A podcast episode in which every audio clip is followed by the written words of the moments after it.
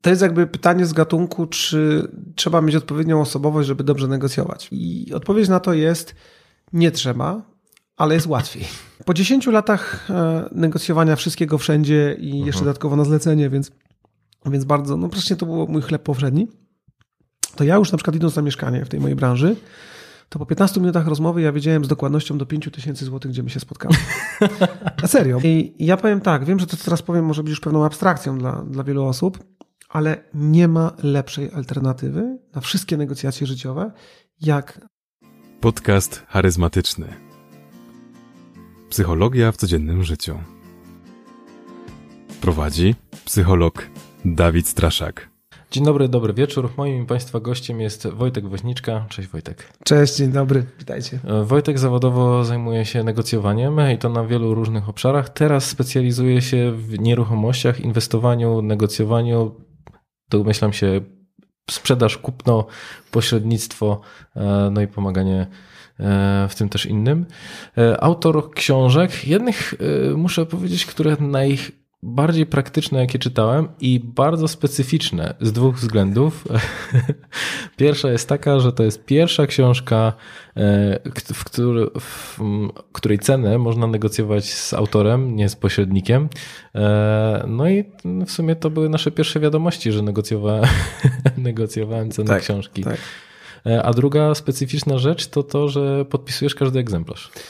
E, nie, no już nie każdy, okay. już nie każdy, ale jeżeli ktoś chce, to tak, każdy. Uh mhm. -huh. I to jaka była historia tego e, negocjowania i podpisywania, bo to jest też ciekawe. Mm, to znaczy, wiesz co, podpisywanie no to jest tak częsta dość sytuacja, tak? Jak ktoś chce, żeby czytelnicy mieli taką możliwość otrzymania dedykacji, a że mamy własny sklep i w internecie, i na Allegro, no to tak naprawdę, wiesz, też trochę nas to wyróżnia, tak? Bo, znaczy, dla mnie wszystkie moje książki to jest self-publishing, więc one wszystkie są tak naprawdę w pełni przeze mnie kontrolowane, jeśli chodzi o mhm. rynek.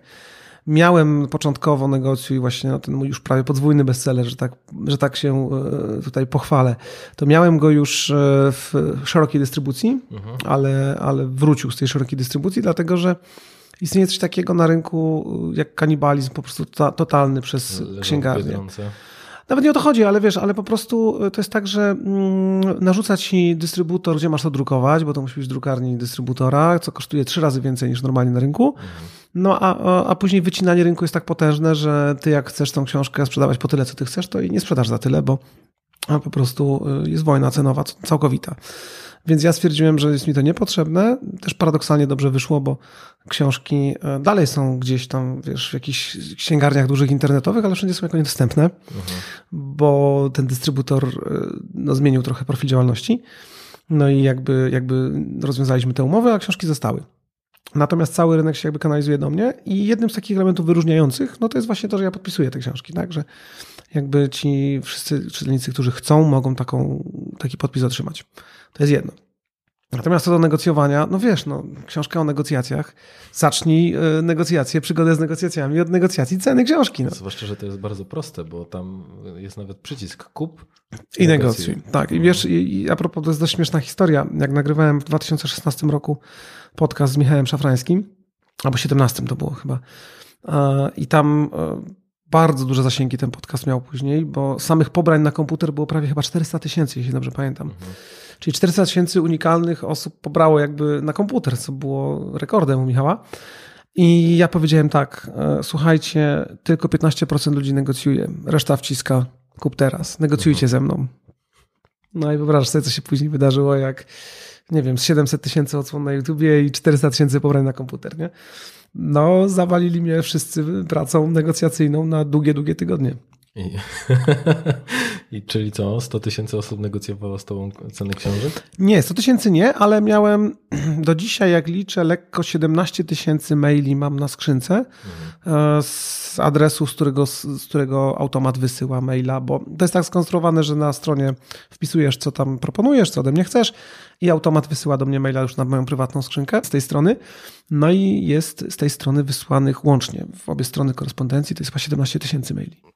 Chciałem z Tobą porozmawiać na temat e, negocjacji dla osób, które mm, są wstydliwe. To Mhm. znaczy, mam wrażenie, że w, w kontekście negocjacji, jeżeli Mhm. mówimy o osobach, które no, mają w tym, y, zajmują się tym na co dzień, to są Mhm. takie osoby ekstrawertyczne, przebojowe, charyzmatyczne, które wchodzą, ciach, ciach, ciach, nie zastanawiają się.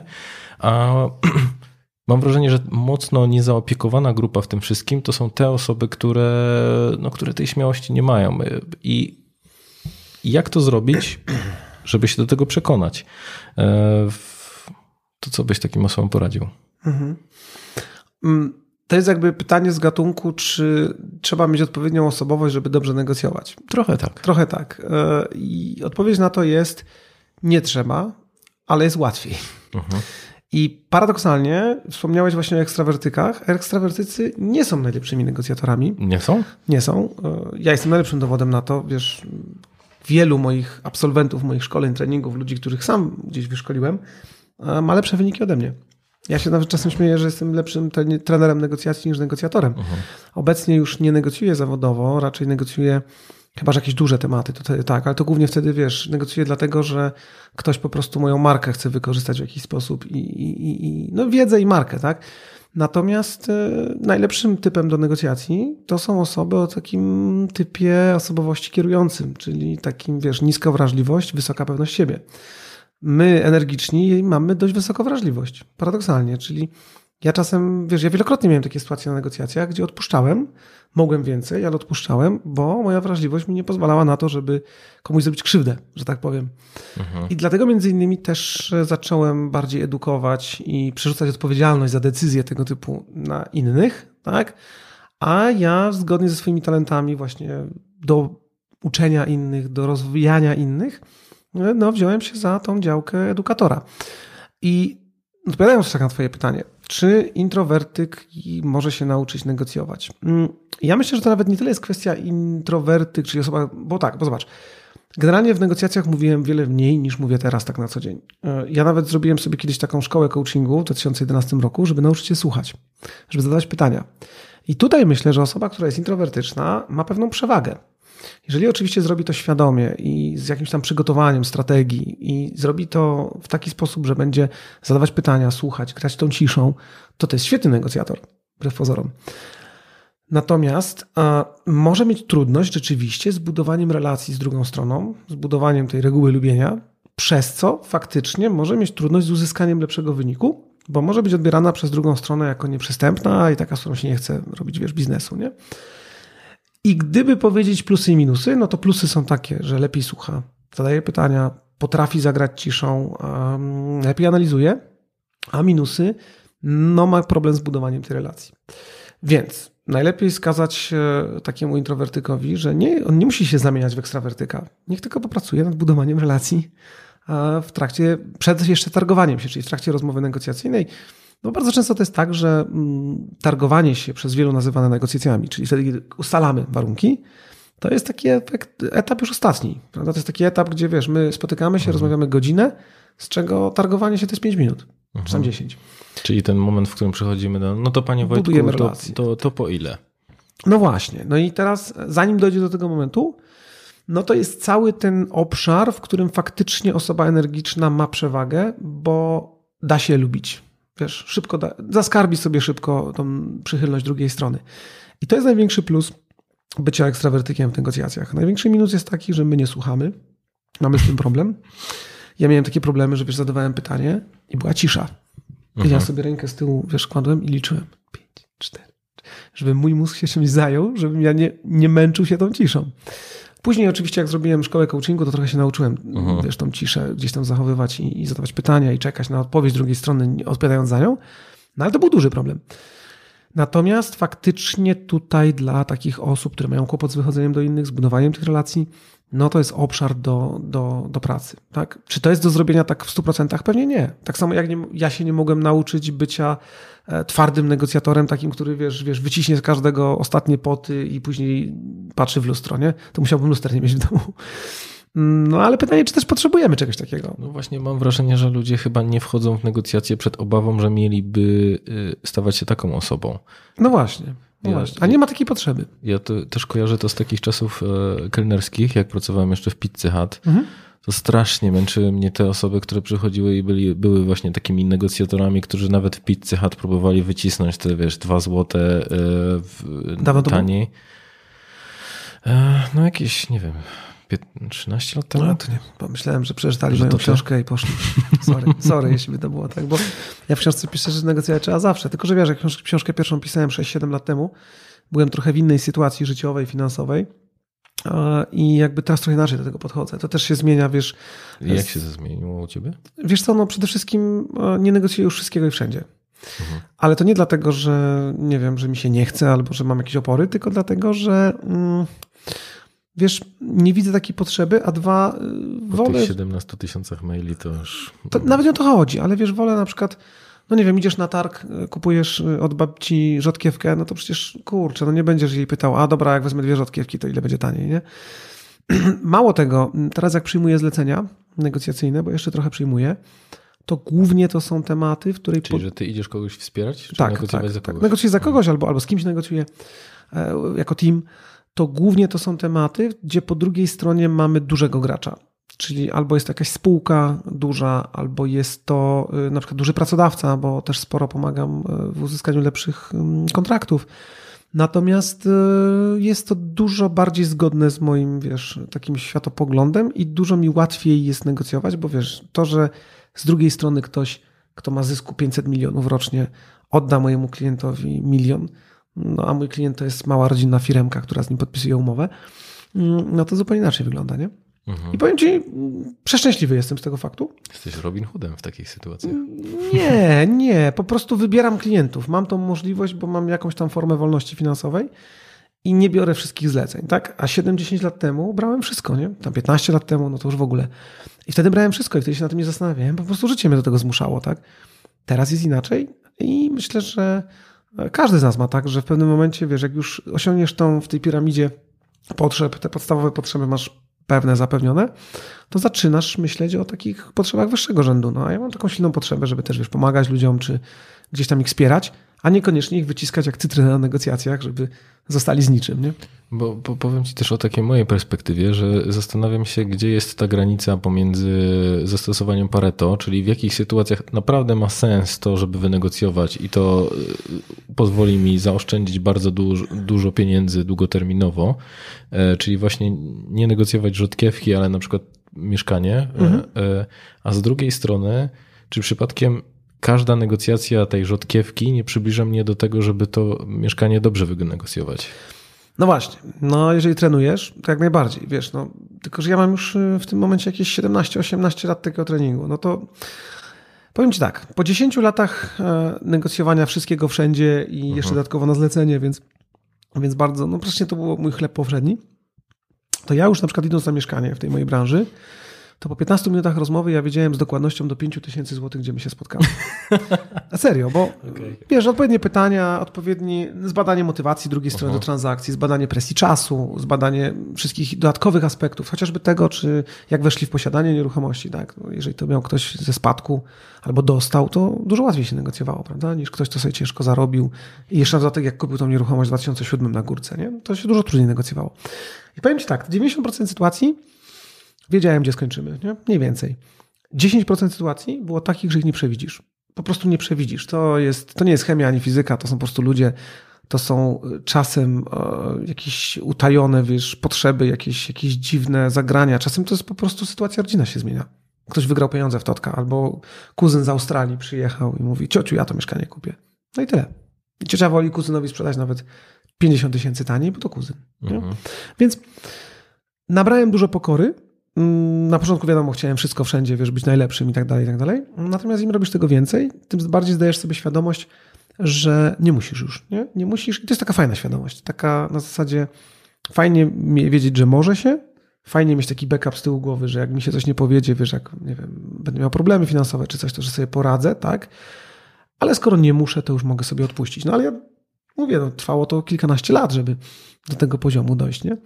Więc długo, bardzo długo. To jak miałbyś przekazywać takie, mm, wiesz, kwintesencję tego, tych 17 lat Mhm. dla osób, które zaczynają, zaczynają, to co byś im poradził? Zwłaszcza dla takich, którzy nie mają biegłości w kontaktach, którzy wiesz, stają przed takimi wyborami mm, że tych negocjacji, czy, czy nawet takich kontaktów interpersonalnych nie ma dużo. No bo co innego, jeżeli ktoś pracuje na przykład w sprzedaży i ta, Mhm.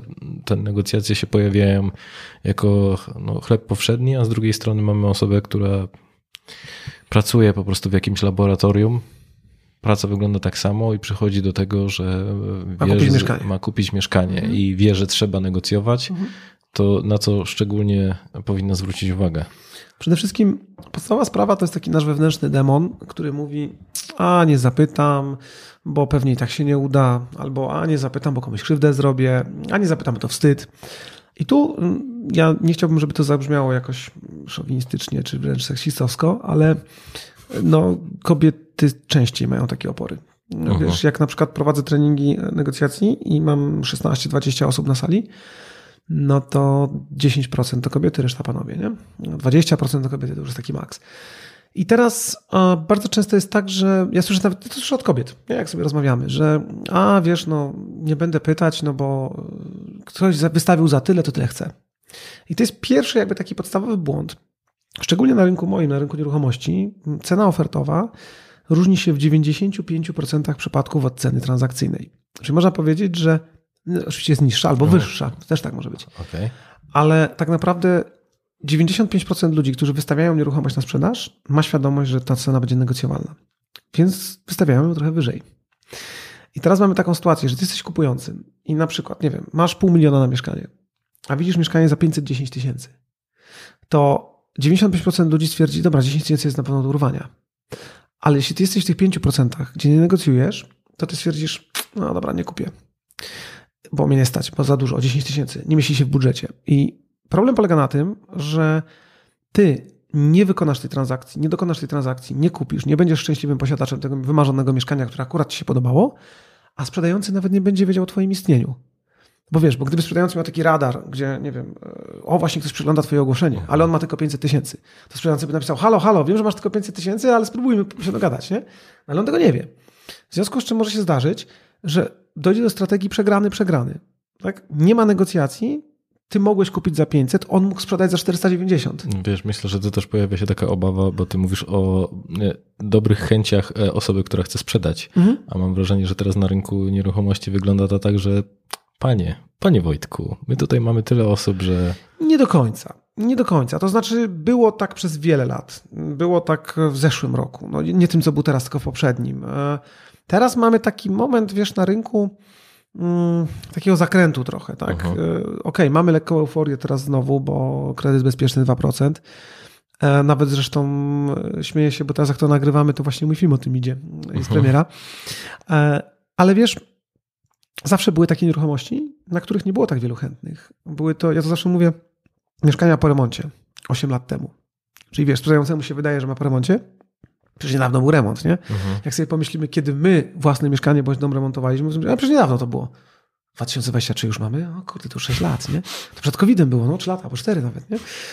I wtedy jest tak, że wiesz, że tak, takie nieruchomości na przykład mają mniej potencjalnych chętnych, więc da się, wszędzie się da. Mm, Paradoksalnie, to jest taki najlepszy przykład, który ci podam. E, Teraz miałem taki wywiad mm, z takim Michałem. Oni mają taką spółkę, co kupują kamienice. Wiesz, duże tematy, remontują, później sprzedają na mieszkania. Bardzo wysoki standard, bardzo ładnie to wygląda. I on mi powiedział taką rzecz, mówi Wojtek, e, my kupiliśmy kamienicę o milion złotych taniej niż ktoś inny proponował, tylko dlatego, że ten ktoś inny zaproponował, e, po prostu nie spodobał się sprzedającemu. Mhm. I powiedział mu na przykład, że o, tutaj regipsem zabudujemy, a sprzedający historyk sztuki. I mówi, co oni mi tu regipsem będą zabudowywać, to ja im tutaj. Mhm. I milion złotych facet potrafił, no wiesz, okej, miał ten milion, tak? Miał kilkanaście czy kilkadziesiąt tych milionów pewnie. Ale to pokazuje, jak potężna jest ta reguła lubienia w negocjacjach też.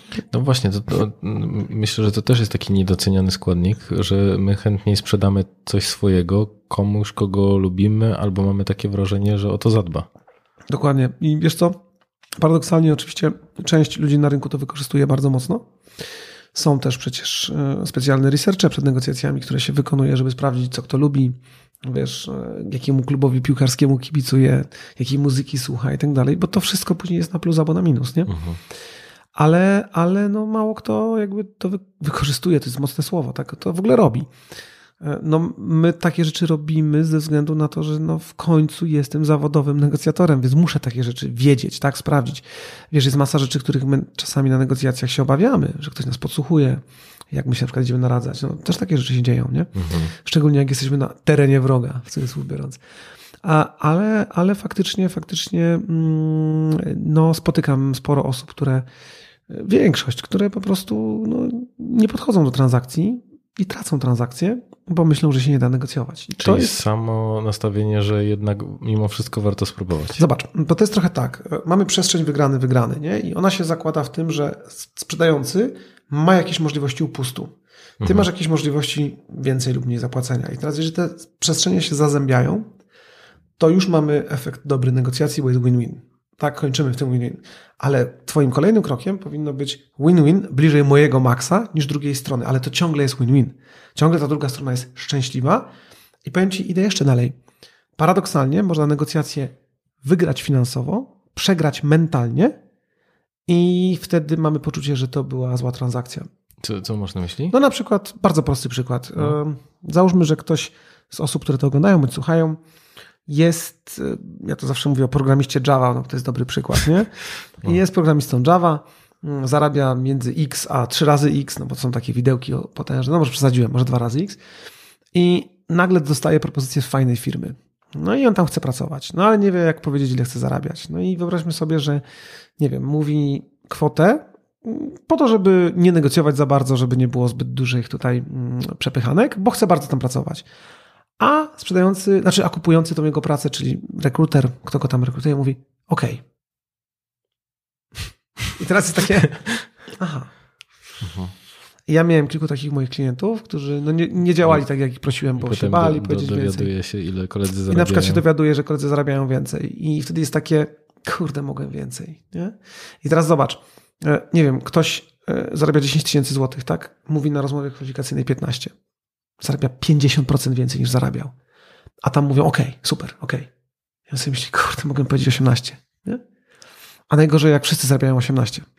To wtedy on dostał 50% więcej niż miał, dostał finansowo, co chciał, a mimo to mentalnie te, te negocjacje zakończyły się fiaskiem.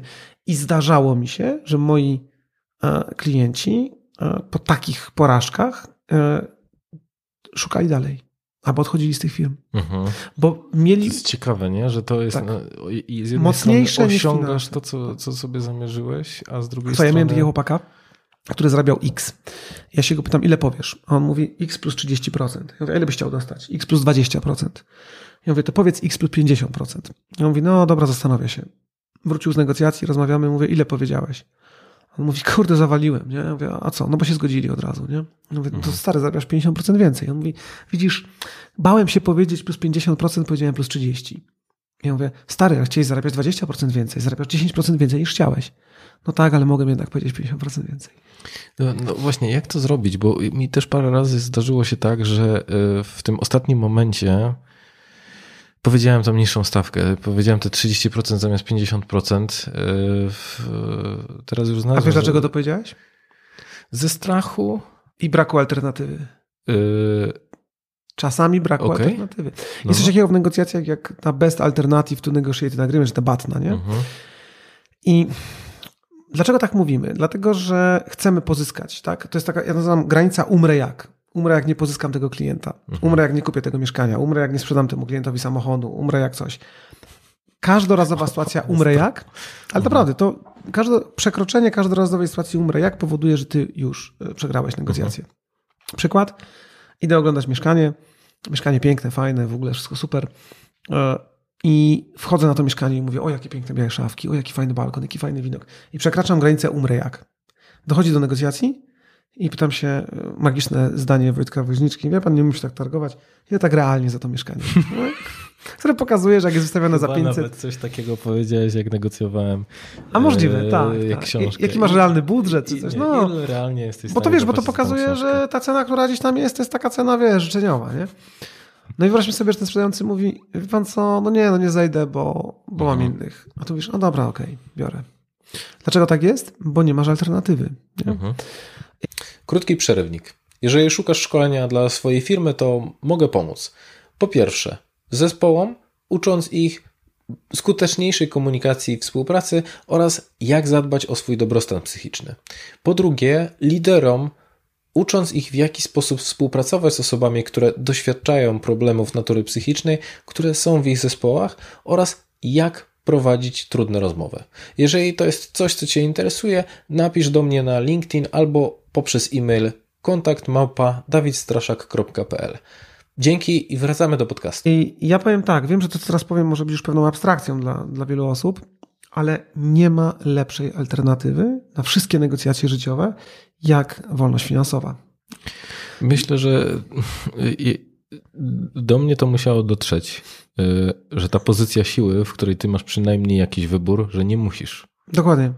To nawet nie jest pozycja siły, to jest po prostu nie musisz. Mhm. Tak? No, no pozycja myśli, siły, wiesz. mi o to, że ja mam wybór. To znaczy, że nie, nie, nie, uczestnicząc w negocjacjach, ja nie jestem w żaden sposób zmuszony do tego, żeby wziąć tę pracę, e, wziąć to mieszkanie, e, że, żeby pójść. Kupić od ciebie, sprzedać tobie. Mhm. Tak? No, różne sytuacje. No i skąd się bierze alternatywa? No, alternatywa się bierze z, z dobrego przygotowania do negocjacji. Od tego zacznijmy.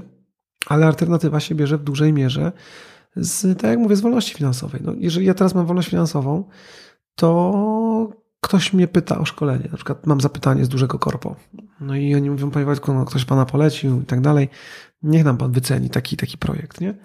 No to ja go wyceniam i oni mówią wtedy, ale nie, no panie Wojtku, to jest za dużo i w ogóle, nie?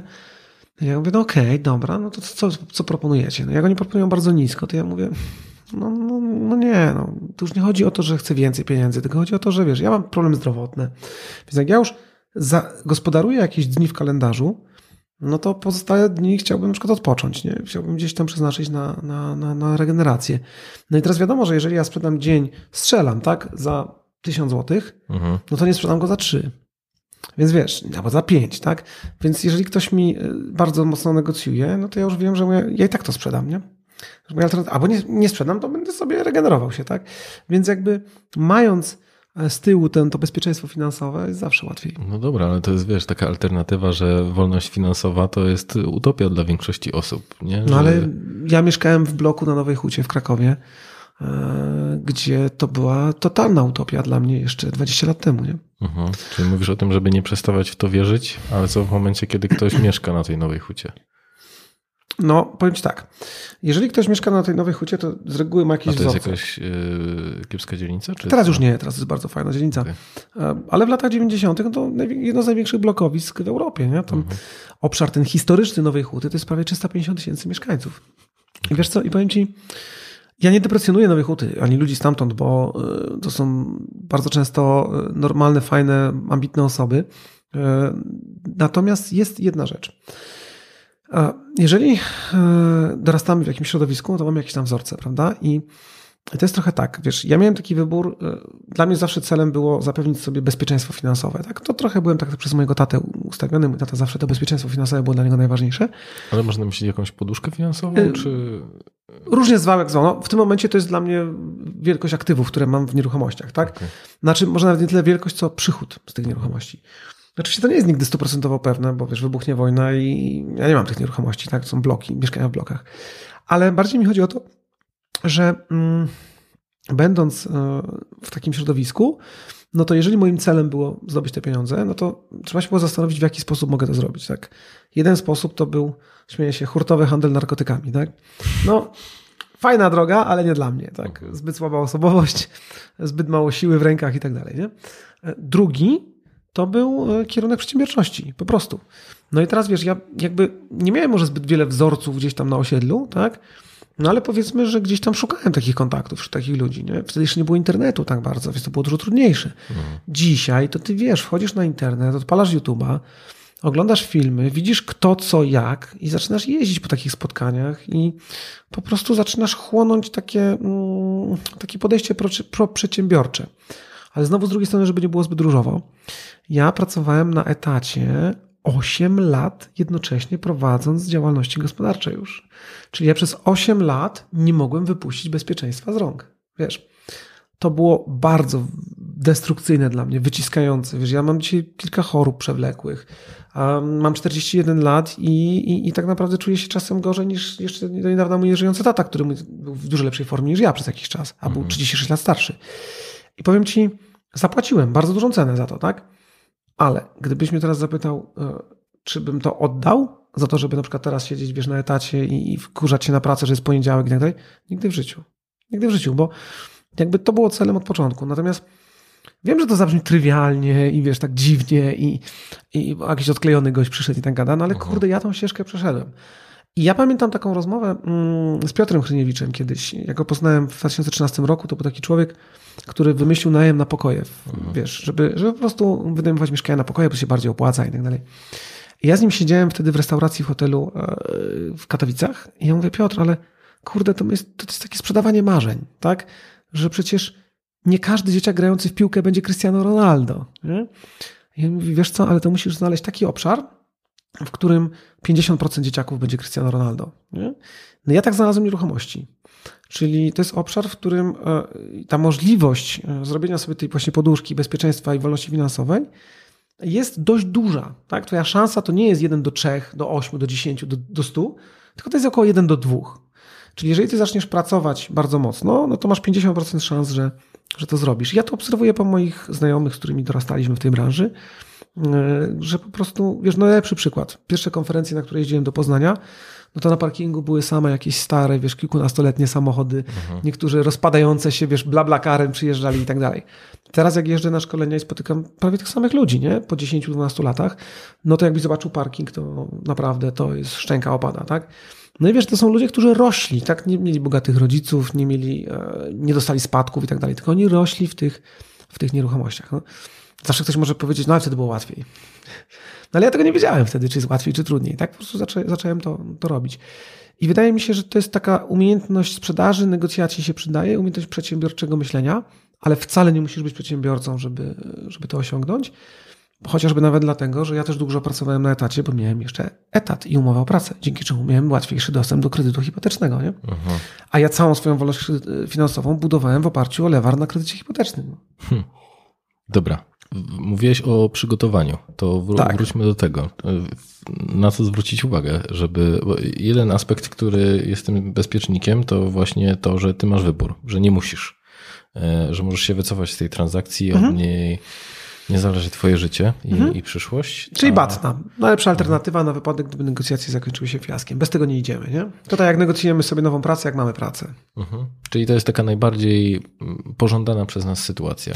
Właśnie nie do końca, bo jakby batna nigdy nie będzie tak dobra, jak to, co negocjujesz. Tak? Bo gdyby tak było, to byś nie negocjował. To jest tak, że na przykład my idąc, no tak chociażby tego pracodawcę, nie? Idziemy negocjować z nowym pracodawcą i wolelibyśmy jednak dostać tą nową pracę z lepszymi warunkami i tak dalej, ale w razie W mamy backup nie? w postaci obecnej pracy. Albo no już w ogóle komfortowa sytuacja, jak masz obecną pracę i dwie opcje jeszcze gdzieś indziej. Nie?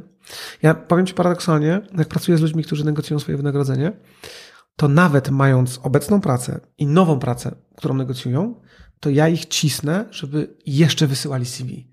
Wiesz, oni już mają tą pewność, tak, że któryś z nich weźmie, ale mimo to my to CV dalej wysyłamy. Dlaczego? Dlatego, że generowanie kolejnych bat na, e, w takim momencie jest e, opcją bardzo dobrą, ze względu na to, że nie będziesz miał takiej okazji już później, jak się przyjmiesz gdzieś indziej. Nie? To jest świetny moment, żeby się wycenić na rynku, to z jednej strony, a z drugiej strony to jest świetny moment, żeby popróbować. Wiesz, wiele osób na przykład siedzi sobie i czeka na tak zwany palec Boży. Ja to znam, bo ja tak siedziałem w PKO BP banku, nie? gdzie jest bardzo dużo osób, które siedzą wiele lat. Nic nie umniejszając tej organizacji, bo się cały czas zmienia na plus, ale e, wiesz, e, ja tam dosiedziałem do dwóch lat i mówię, jak teraz się stąd nie ruszę, to tu zostanę. Mhm. I masa ludzi czekała na palec Boży. Wiesz, co jest palec Boży? Zwolnią cię. Dopiero wtedy zaczynasz działać. No ale w momencie, kiedy ty Bo już... ktoś przyjdzie do ciebie z ofertą e, Tak, pod twoje a czasem może biurko. nie przyjść, nie? Więc jeżeli ty w momencie, kiedy negocjujesz sobie inną pracę, masz pracę, dalej wysyłasz CV, bo i tak jesteś już zdeterminowany do zmiany, to jest łatwiej. Po prostu jest łatwiej wtedy się odnaleźć. I te kolejne oferty mogą się okazać lepsze od tego, co masz, nie? Hmm. Albo, co gorsza, i to się też zdarza, te dwie, te dwie opcje ci przepadną. Wiesz, dowiedzą się w twojej poprzedniej firmie, że jesteś, nie wiem, nielojalny, tak? Bo jest w środek projektu, a ty negocjujesz z kimś innym. Tu ci nie wyjdzie, a oni tam ci powiedzą, "Mm, sorry, nie? Ale byłeś nielojalny, tak? Mhm. I cię, i cię zwolnią. Wtedy nie masz opcji, nie? Więc generowanie batna to jest podstawa. Kolejna zasada w negocjacjach z reguły wygrywa ten, komu bardziej zależy. No i o tym już trochę rozmawialiśmy, nie? Im mniej ci zależy, tym jest Wygrywa łatwiej. czy przegrywa? y, z reguły wygrywa ten, komu mniej zależy. Okej. Tak. A bardziej, wy, przegrywa ten, komu bardziej. No, to jest Mhm. logiczne raczej, nie? Więc kiedy ci będzie mniej zależało? No jak nie będziesz mieć ciśnienia, czyli jak masz alternatywę znowu. No i tu dużo rzeczy się obija o tą alternatywę.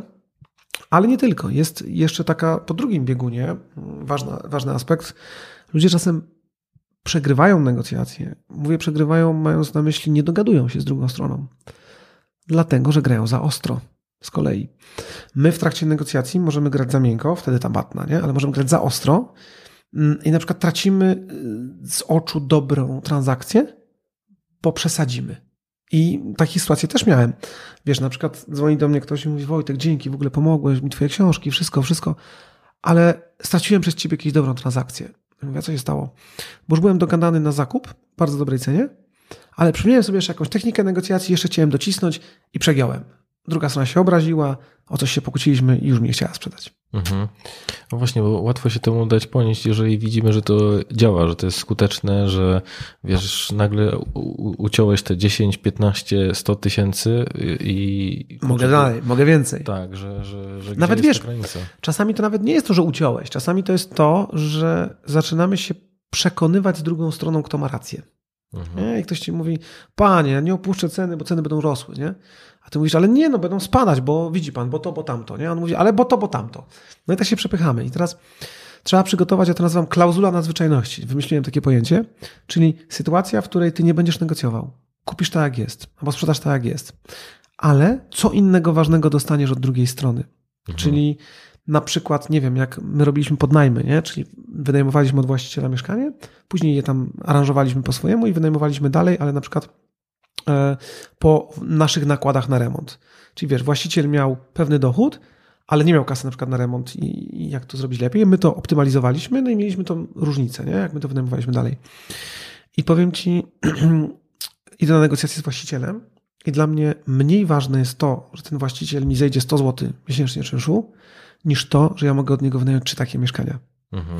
I to jest ta klauzula nadzwyczajności, czyli kiedy odpuszczę główny parametr negocjacji, jak co innego ważnego się dla mnie wydarzy, jeśli chodzi o te negocjacje. No i często to są jakieś dodatkowe aspekty, które trzeba zweryfikować przed negocjacjami. Bo jeżeli to wynika w trakcie negocjacji, no to już jest takie racjonalizowanie emocji trochę. Za, za późno, czyli znowu wracamy do tego przygotowania, czyli co, jeżeli nie dadzą mi podwyżki w pracy, to przynajmniej, żeby dali y, miejsce parkingowe. Albo czterodniowy tydzień pracy, albo home office, albo Mhm. mm, nie wiem, awans poziomy i szkolenie. To jest ciekawe, nie? Bo ty to z taką łatwością to wymieniasz. Ja, ja też musiałem często się starać do tego, żeby w ogóle zmuszać się, żeby wymyślać te rzeczy.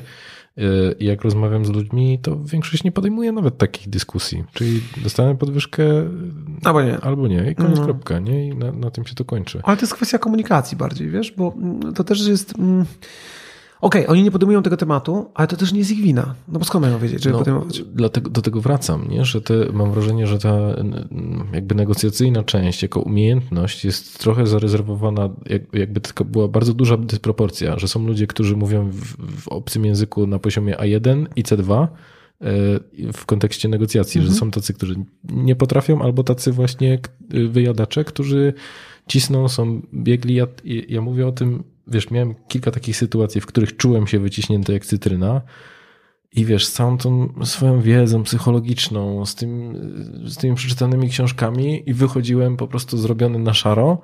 Myślałem, że nie no, ja się zgodziłem na to, ale wiedziałem o twojej książce, że można odstąpić od umowy, więc wracałem z, najczęściej z tym, że ja sobie to jednak przemyślałem i nie podoba mi się to, co ustaliliśmy. Szukałeś mnie. Tak, tak. Ale najczęściej to były takie oszustwa. No tak. W sensie, nie, no nie chcę tutaj. Nie, no chyba śmiało mogę to nazywać oszustwami, że po prostu to było wykorzystywanie tego, że ja pewnych rzeczy nie wiedziałem. Więc, yy, więc raczej tego mam wrażenie, że tutaj jest ta dysproporcja pomiędzy umiejętnościami. Mało tego. Ja obserwuję coś takiego. Mam dwu, trzydniowy trening negocjacji i no powiedzmy dwudniowy. I w pierwszy dzień, no to tam wszyscy się w miarę fajnie dogadują, mamy jakiś materiał do, do omówienia i tak dalej. Drugi dzień, pod koniec, zrobimy grę negocjacyjną i prawie nikt się nie dogaduje. I ja mówię, co się stało? Nie? A ludzie mówią, a no bo ta druga strona za ostro grała. I wiesz co się dzieje? Oni są już tak wyczuleni pod ten drugi dzień, kto co stosuje, czy to jest prawda, czy nie że z jednej strony jest jakby taka moja porażka trochę metodologiczna, tak, bo oni się nie nagadują, ale z drugiej strony ja już wiem, że oni sobie poradzą na rynku, bo są wyczuleni na pewne rzeczy, nie? I ja mam poczucie, że spełniłem dobrze swój obowiązek i z reguły jest tak, że to faktycznie, jest. Ktoś trafia na taki rynek, gdzie, gdzie, gdzie ludzie tak się nie skupiają bardzo na tym, no i osiąga więcej dzięki tym negocjacjom, tak? Natomiast no, do tego dochodzi jeszcze to, o czym mówiłem wcześniej, czyli poczucie gdzieś tam wrażliwości i to, na co możemy sobie pozwolić. Wiesz, ja miałem taką sytuację na Trójmieście. Pojechaliśmy na negocjacje, bo był chłopak, który osiągał lepsze wyniki od moich. Mimo, że to był mój uczeń, nie? I weszliśmy właśnie na mieszkanie, rozmawiamy, rozmawiamy, no i w pewnym momencie tam wyciągnęliśmy już, zadając w odpowiedni sposób pytania, e, że druga strona potrzebuje pieniędzy, bo mają gdzieś tam w Niemczech operację dziecka. I teraz tak, no z jednej strony mógł być to blef, ale raczej nie był, bo to raczej tacy ludzie prostolinijni, widać, że mówią prawdę. No chyba się z takich rzeczy też nie... No ciężko jest takie rzeczy wymyślać, nie? bo to no. raczej, raczej już byłaby abstrakcja. No ale wyciągnąłem go na klatkę. Mówię, że a to my się skonsultujemy, pogadamy. I już miałem temu chłopakowi powiedzieć, słuchaj, odpuśćmy, tak? Nie będziemy zarabiać na krzywdzie dziecka, nie? E, nie zdążyłem. Wyciągnąłem go na klatkę, on mówi, widzisz? Super, ciśniemy, mają problem, więc dużo zejdą. Mhm. I to jest takie zderzenie, wiesz, ty tak musisz sobie... Oh. I właśnie mam wrażenie, że ludzie boją się mm, przez te, tego rodzaju doświadczenia, a przynajmniej też to jest taki mój strach, nie? że wchodzi się właśnie w rolę takiego psychopatycznego człowieka, który wykorzystuje e, tą ciężką sytuację drugiej strony. Że, że, że trochę ta, ta obawa związana z negocjacjami jest taka, że szuka się słabych punktów, ale te, czasami też takiego tej krzywdy z drugiej strony. No trochę tak jest, trochę tak jest, ale wiesz, z drugiej strony też popatrz na to w ten sposób, że ty nigdy nie masz pewności, w co gra druga strona. Wiesz, ja miałem jakąś taką sytuację, gdzie kupowaliśmy działkę dla mojego inwestora i sprzedający cały czas mówili, że jak się nie zdecydujemy, to oni mają kogoś, kto zapłaci więcej i tak dalej. No i wiesz, ja generalnie już nie mając emocji, bo mi się dużo łatwiej negocjuje dla kogoś, bo nie mam emocji, tak? Mhm. A, no, to, no to wiedziałem, że to jest duża szansa, że to jest blef. I też widziałem po ich zachowaniu, że to może być blef. Ale mój, mój kupujący był tak bardzo napalony na tą działkę, on tak bardzo chciał ten dom tam budować, że on mnie dociskał na siłę, żebym ja to przestał negocjować, żebym to kupił. I wiesz, co się okazało? Dopiero nam się wygadał syn tych ludzi, że oni nie mają nikogo po prostu, nie? Mhm. Kosmos.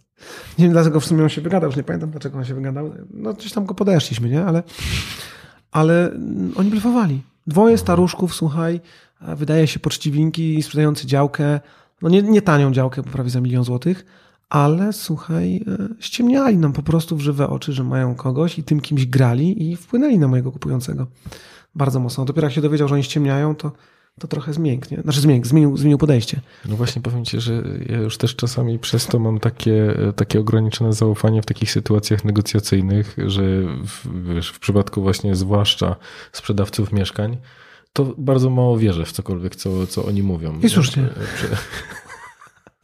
Serio. Znaczy, nie wiem, no nie jest tak u doktora Hausa, że wszyscy rzucane, wiesz, no, no, no, ale tak szef mówił, że te ceny będą szły o, o kilka tysięcy w górę, więc lepiej się decydować teraz. Ale tak mówię między nami, nie? Znaczy, powiem ci tak, akurat rynek nieruchomości jest na tyle specyficzny, że prawdopodobnie to jest prawda. Dlatego, że ten rynek idzie cały czas w górę, nie? I to mhm. już od 2013 roku, to 10 lat. Natomiast w wielu przypadkach to jest wyuczone. Nie? Mhm. Wiesz, podstawowa zasada wybierania wpływu, która działa najbardziej na ludzi, my pragniemy to, co możemy stracić. Nie? To jest podstawowa zasada, że jakby najbardziej pragniemy tego, co możemy stracić. No i jeżeli jest y, tak, że ty masz poczucie, że kurczę, ktoś mi ukradnie sprzed, sprzed nosa, weźmie to ukochane mieszkanie, samochód, czy nie, hulajnogę, którą ja chcę kupić, to zapłacisz więcej po prostu. Nie? Mhm. Mało tego, zauważ, jaki to jest społeczny dowód słuszności jeszcze. To, że inni to chcą, to znaczy to jest dobre. To, że inni to chcą, to znaczy, że ja nie będę miał problemów ze sprzedażą późniejszą tego, gdybym musiał. I to jest cała, cała filozofia, która pokazuje, że jeśli inni to chcą, to znaczy, że to warto zapłacić więcej. Nie? No i wiesz, niektórzy to wykorzystują. Myślisz, że e, taki człowiek z ulicy e, powinien nazywać e, takie sztuczki, które. Które... Czuje, że się nawet bez niego robi. Tak. Pewnie, że tak. To jest najprostszy sposób to jest demaskowanie. Jak byś to zrobił? W sensie, jak zwrócić na to uwagę? Wie pan co? Mm, ja przepraszam, że to na zwrócę uwagę, ale czytałem taką książkę takiego woźniczki nie z negocjacji, nie wiem, czy pan On tam pisał, że w takiej sytuacji to się często tak mówi, że inni tam szukają, żeby zbudzić to sobie. A jak to jest u pana? Ja myślę, że czerwienią, nie? No już wiesz. No tak Super. to działa. Dobra, no czyli, czyli możemy zrzucać odpowiedzialność na, na ciebie. Na mnie pewnie, róbcie to. Ja mam często telefony, czy SMS-y, czy na Messenger mi piszą pośrednicy z całej Polski. Mówią, o, znowu mi tu kupujący jechali woźniczką na spotkaniu, nie? Mhm. Tak, że tam wiesz, tak realnie na przykład, albo coś tego typu, nie? Że padają te hasła i mówią, chyba ktoś był po twoim szkoleniu, nie? I do mnie dzwonią, piszą. Zdarza się. No, Okej. Tak to działa. No, jeśli jest taka rzeczywistość, że to funkcjonuje, to trzeba mieć świadomość tego, nie? Mhm. No właśnie, bo najwięcej stracisz, jeżeli nie będziesz miał tej świadomości i ok- okaże się, że, że, no, że przegrałeś całkiem Tak jak dużo. y, nieznajomość prawa, nie? ta ignorancja juris nocet, nie? nieznajomość prawa cię nie zwalnia z tego, że, żeby go przestrzegać. Tak?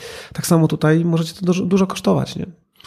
No właśnie. Co zrobić w takiej sytuacji, kiedy nie znasz się na temacie, jesteś postawiony w jakiejś takiej sytuacji, na przykład ja i mechanik samochodowy, nie chcę się doktoryzować, nie wiem. Jak wyjść y, obronną ręką w takich sytuacjach, czyli w tych zawodach, w których jest bardzo mała. mm, Jak sprawdzić w momencie, kiedy trzeba dużo się dowiedzieć, czy ta druga strona jest wobec nas szczera? Wiesz co, mm, Czy to się znaczy, w ogóle da? znaczy ja ci powiem tak, no trochę internet pomaga mimo wszystko, Mhm. nie? że ja zauważyłem, że po pierwsze jest jakby opinia w internecie nie? i teraz żyjemy w takich czasach, gdzie nawet jakiś tam mały lokalny mechanik też chce mieć dobrą tą opinię, tak? Wiesz, że dzisiaj jest tak, że jak ktoś cię zrobi balona, to powiesz o tym kilkunastu osobom, a jak zrobi dobrze, to dwóm trzem, nie? Więc y, ja myślę, że przede wszystkim sprawdzanie opinii w internecie, do tego bym w ogóle zaczął, nie? że to jest podstawa. A na ile ta osoba jest wiarygodna, na ile to, co robi, jest, jest okej. To jest pierwsza rzecz. Druga rzecz, na przykład mi bardzo często mi to pomaga, moje zasięgi mi pomagają. To jest taki paradoks, nie? Czyli na przykład jak ja, wiesz, gdzieś załatwiam coś z kimś, to y, bardzo często jest tak, że y, ja wysyłam celowo na przykład maila z mojej skrzynki, na której są wiesz, moje kanały, czy jakieś inne, inne rzeczy, żeby ta osoba widziała, że jestem dość osobą popularną, nie?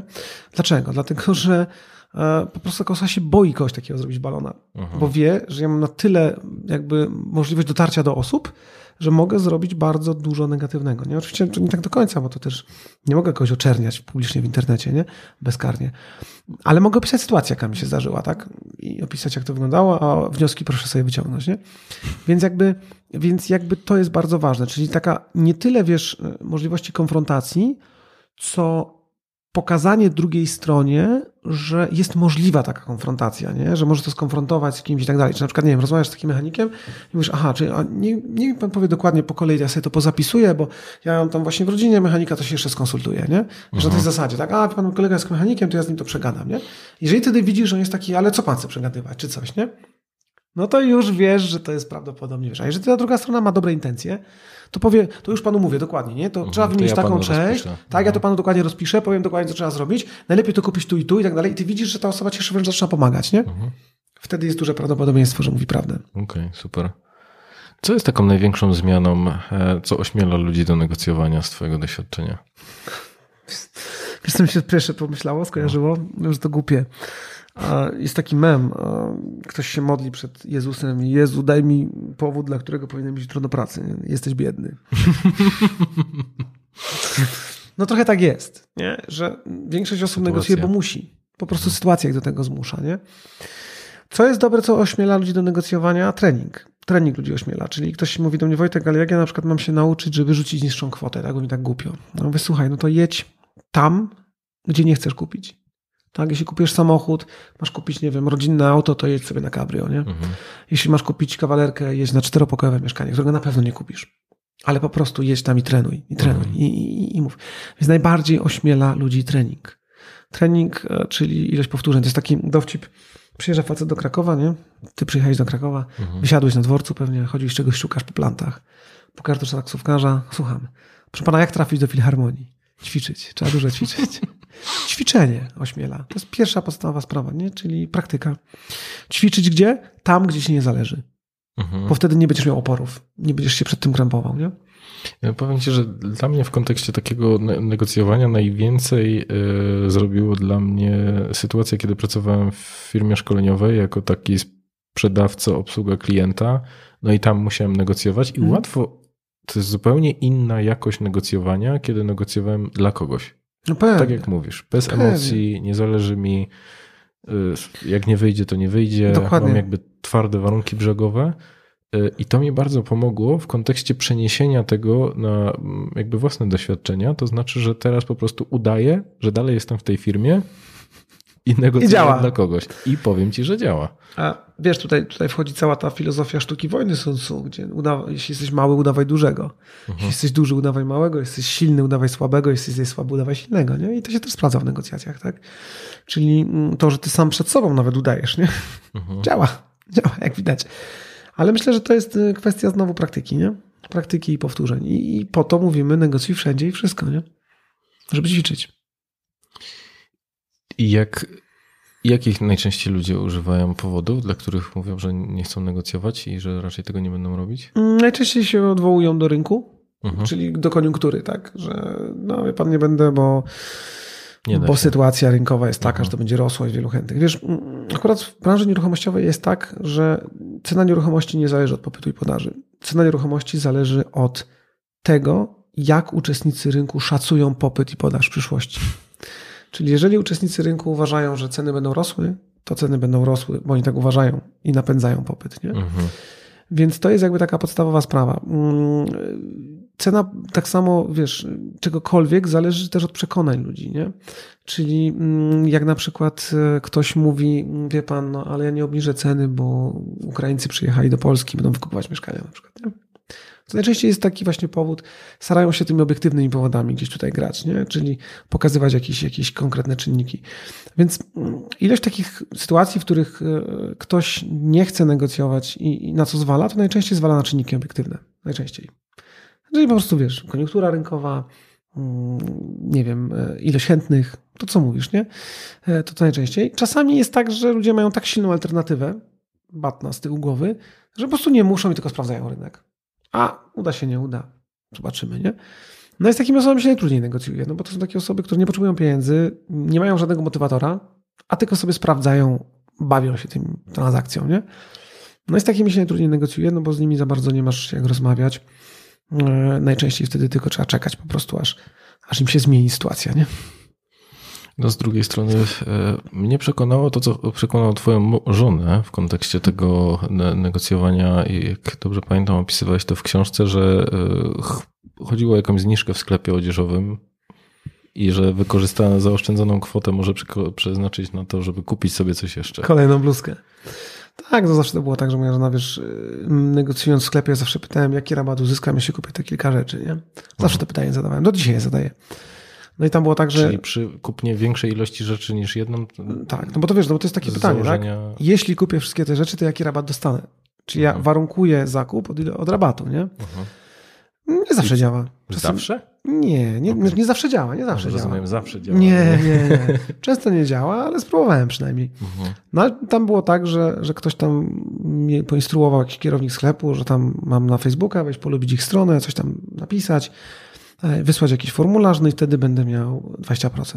No kurczę, jak moja żona na początku uciekła, żeby, wiesz, nie wstać przy mnie jak negocjuję, to jak usłyszała 20 zł, a w koszyku było za 400 zł, tam za 500, Mhm. no to jeszcze sobie za stówkę sweterek dobrała, nie? Czy tam jakąś bluzkę.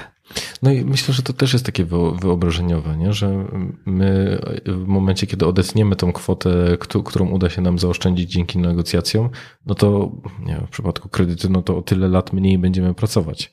Więc Dokładnie.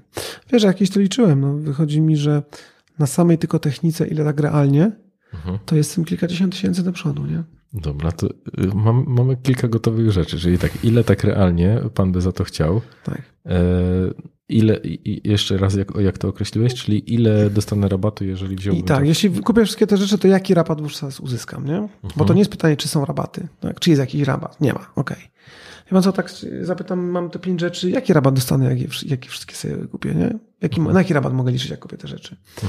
Wiesz, oczywiście tam często mówią, sorry, nie ma rabatów, nowa kolekcja i tak dalej, nie? Albo na przykład każą ci zakładać jakąś tam kartę czy coś, no ale wiesz, czasem może być tak, że ktoś, nie wiem, położył, to skasuje, nawet zapomni o tej karcie, nie? Wystarczyło wyrobić kartę i mieć 20%. Mhm. Co za problem wyrobić kartę? Dobra. A stuwa w kieszeni, nie? Czy dwie? I jeżeli dobrze pamiętam z książki, to e, ojej, ale tak drogo? Nie, nie, nie, to, to, to, to, jest, to się nazywa technika udawanego zdziwienia, nie? Ile? Naprawdę? No i ta druga strona jest taka, wiesz, nie?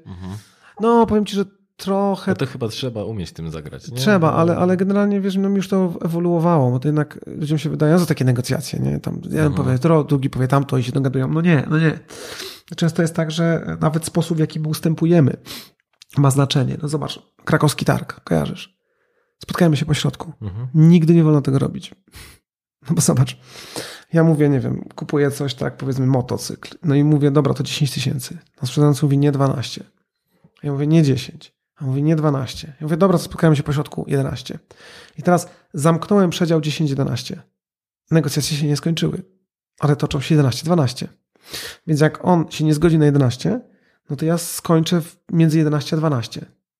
Ale jeżeli ja powiem, dobra, panie, panie Wojtku, no, pan mówi 12, ja 10, dzieli nas 2000, niech pan coś zaproponuje w tym przedziale. I sprzedający mówi, dobra, 11. Negocjacje się nie skończyły, ale zamknął się przedział 11-12. Więc w najgorszym wypadku dostanę to, co bym dostał w najlepszym, w pierwszym przypadku, nie? czyli 11. A w najlepszym przypadku dostanę coś między 10 a 11. I to są takie niuanse, o których się nie myśli na bieżąco, ale wiesz, tu tysiąc, tam tysiąc, tam pięć, no i się uzbiera, nie?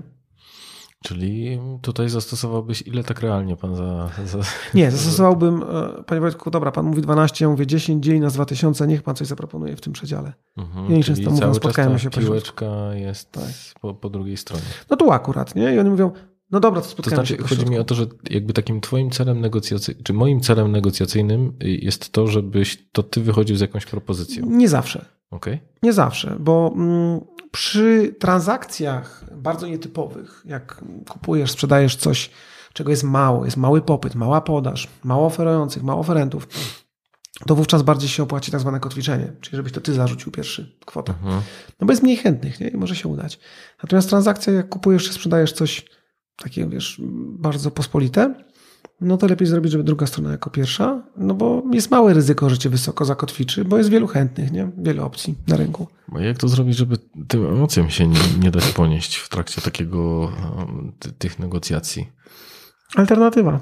Mhm. Czyli zawsze po prostu mieć alternatywę, żeby Podstawowa sprawa. Tak. nie I ćwiczyć. Alternatywa i ćwiczyć. I ćwiczyć. Nie? Już później, jak będziesz wyćwiczony, co odpowiadać, jakieś zastrzeżenia, obiekcje i tak dalej, jak, ci, jak będziesz mieć poczucie, nikt mnie nie zagnie, to będzie dużo mniej emocji wtedy. W czym możesz teraz pomóc ludziom?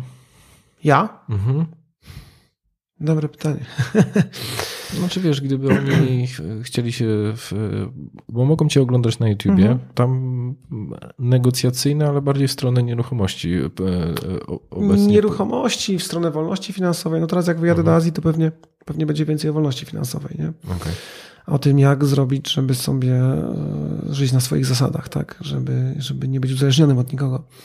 A, natomiast wiesz co, y, ja ci powiem na tą chwilę, no ja porzuciłem te rękawice negocjatora na, Mhm. na kołek i teraz jestem głównie, głównie edukatorem, tak? Czyli osobą, która gdzieś tam wspiera ludzi w ich negocjacjach, pomaga, uczy ich, gdzieś tam trenuje. E, No więc wiesz, więc jakby, jakby tutaj materiały edukacyjne, które gdzieś tam są moje, no głównie książki, tak? No bo to jest taki produkt, najniższy próg wejścia, nie? Kilkadziesiąt złotych, a e, ROI, czyli zwrot z kapitału, wiesz, zainwestowanego w książkę jest tysiącami procent. No nie? tak, tak. Ja Pamiętam, że też o tym pisałeś y, i mi bardzo dużo się zwróciło, jak miałbym poprzeliczać właśnie jakieś kwestie związane z, z, nie wiem, z, pensją, z wypłatami. E, Zainwestowane 60 zł w książkę zwróci się przy pierwszej transakcji. Mhm. Pójdziesz do sklepu marketu budowlanego, zastosujesz jedną, dwie rzeczy i zamiast 1500 za materiały zapłacisz 1400, nie? Już masz dwukrotnie prawie książkę. Y, Jedna rada, z jaką chciałbyś zostawić słuchaczy, y, zachęcając ich trochę do tego negocjowania, Mhm. to co by to było? No, jakbym powiedział, że warto, to byłoby trochę banalne, nie? Ale tak naprawdę bardziej, bardziej bym się zwracał w takim kierunku, że mm, dajcie sobie szansę na popełnianie błędów, nauczenie się tego, bo to naprawdę tak e, relatywnie przyniesie korzyści obu stronom. To negocjacje to nie jest wyciskanie kogoś jak cytrynę. Negocjacje to jest umiejętność dogadywania się z ludźmi Mhm. i warto to trenować, bo zwiększa się umiejętność dogadywania z ludźmi, a jak się zwiększa umiejętność dogadywania z ludźmi, to jest nam po prostu łatwiej żyć w życiu, nie? Super. No i na tym zakończymy. Także dzięki wielkie. Dziękuję bardzo. Słuchasz podcastu charyzmatyczny. Zasubskrybuj, daj kciuk w górę lub skomentuj.